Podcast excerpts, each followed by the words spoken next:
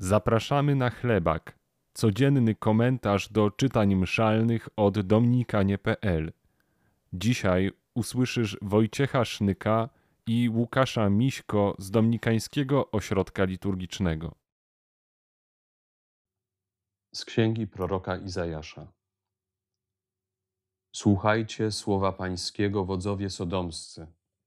Daj posłuch prawu naszego Boga, ludu Gomory. Obmyjcie się i oczyśćcie. Usuńcie zło uczynków waszych sprzed moich oczu. Przestańcie czynić zło. Zaprawiajcie się w dobru. Troszczcie się o sprawiedliwość, wspomagajcie uciśnionego, oddajcie słuszność sierocie, w obronie wdowy stawajcie. Chodźcie i spór ze mną wiedźcie, mówi Pan. Choćby wasze grzechy były jak szkarłat, jak śnieg wybieleją. Choćby były czerwone jak purpura, staną się białe jak wełna. Jeżeli będziecie ulegli i posłuszni, dóbr ziemskich będziecie zażywać. Ale jeśli się zatniecie w oporze, miecz was wytępi. Albowiem usta pańskie to wyrzekły. Funkcja proroka e, w Piśmie Świętym jest e, związana e, z mówieniem prawdy, z objawieniem prawdy o rzeczywistości. A prawda nie zawsze jest wygodna, czasem taka prawda boli. Niestety, czasem do zmiany naszego złego postępowania nie wystarczy, że my uświadomimy sobie, że czynimy źle. Czasem po prostu może brakować nam siły albo odwagi, żeby się z tym złem skonfrontować. Czasami potrzeba ujawnienia tego zła. Potrzebne to jest e, po to chociażby, żeby wspólnota czy społeczność e, na nie zareagowała. Prośmy dla nas o pokorę żeby jeśli taka sytuacja by w naszym życiu e, wystąpiła, żebyśmy słysząc trudną prawdę o nas samych, potrafili się z nią skonfrontować i wyciągnąć z niej wnioski.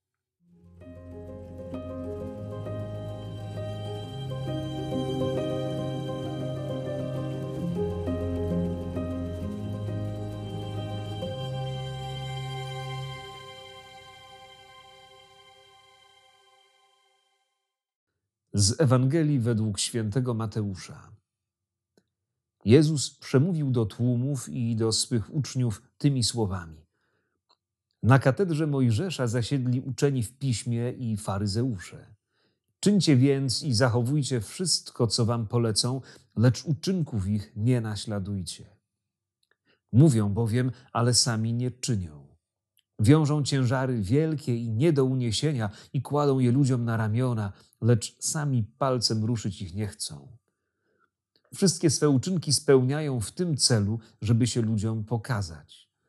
Rozszerzają swoje filakterie i wydłużają frędzle u płaszczów.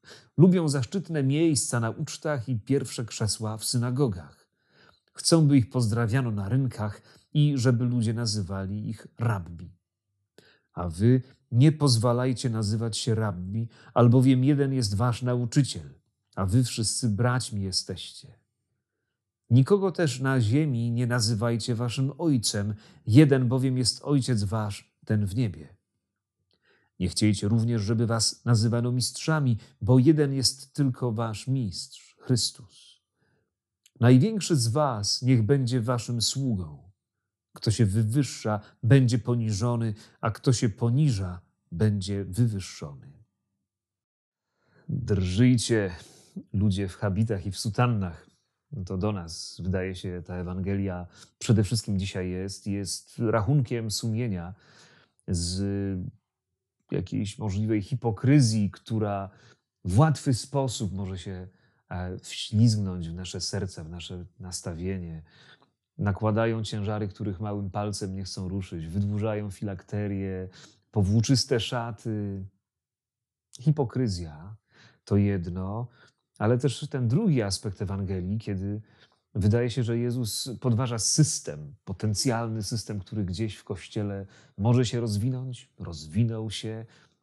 Bo Jezus mówi: Nikogo na ziemi nie nazywajcie ojcem, macie jednego ojca. W niebie nikogo nie nazywajcie mistrzem, bo jest jeden nauczyciel Chrystus. Co z tym zrobić? Czy to w ogóle możliwe, żeby w jakiś zdrowy sposób, w jakiś niezakłamany, nieobłudny być w kościele liderem, być jakimś takim bratem, ojcem, nauczycielem. To nie jest nowe pytanie, paradoksalnie. Znalazłem taki ciekawy y, komentarz świętego Hieronima, przełom IV i V wieku, gdzie Hieronim już o to pyta. Mówi, czy mylą się ci, którzy nazywają ojcami tych mnichów w Egipcie, którzy są mistrzami duchowości? I czy mylił się święty Paweł, pyta Hieronim, kiedy o sobie samym mówił, że jest nauczycielem pogan. I Hieronim daje taką ciekawą e, instrukcję. Mówi, no zobaczcie, że e, można tak samo zapytać o to, czy e, jesteśmy synami Boga, my, chrześcijanie. No przecież jest jeden syn, Jezus. Ale, Hieronim mówi, Jezus jest synem przez naturę, żebyśmy my mogli stać się synami i córkami przez łaskę, przez dar, przez pewną analogię i odniesienie do Jezusa. I Hieronim mówi, tak samo myślimy o tych ojcach czy nauczycielach w naszej wspólnocie wiary. Oni sami z siebie nie są ojcami, nie są nauczycielami, e, ale przez pewien udział, uczestnictwo, analogię do Chrystusa mogą być nauczycielami. Przez swoje pokazywanie na Ojca, o ile swoim życiem i duszpasterzowaniem pokazują Ojca, mogą być jakoś nazywani ojcami. Ikona. Bycie ikoną Chrystusa nauczyciela i bycie ikoną Boga, który jest Ojcem, kochającym, miłosiernym. Czy tak możemy?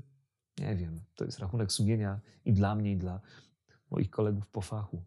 Dzisiaj to słowo nas bardzo mocno chce zapytać, czy jesteśmy w tym, co robimy, ikoną Chrystusa nauczyciela, ikoną Ojca kochającego i miłosiernego.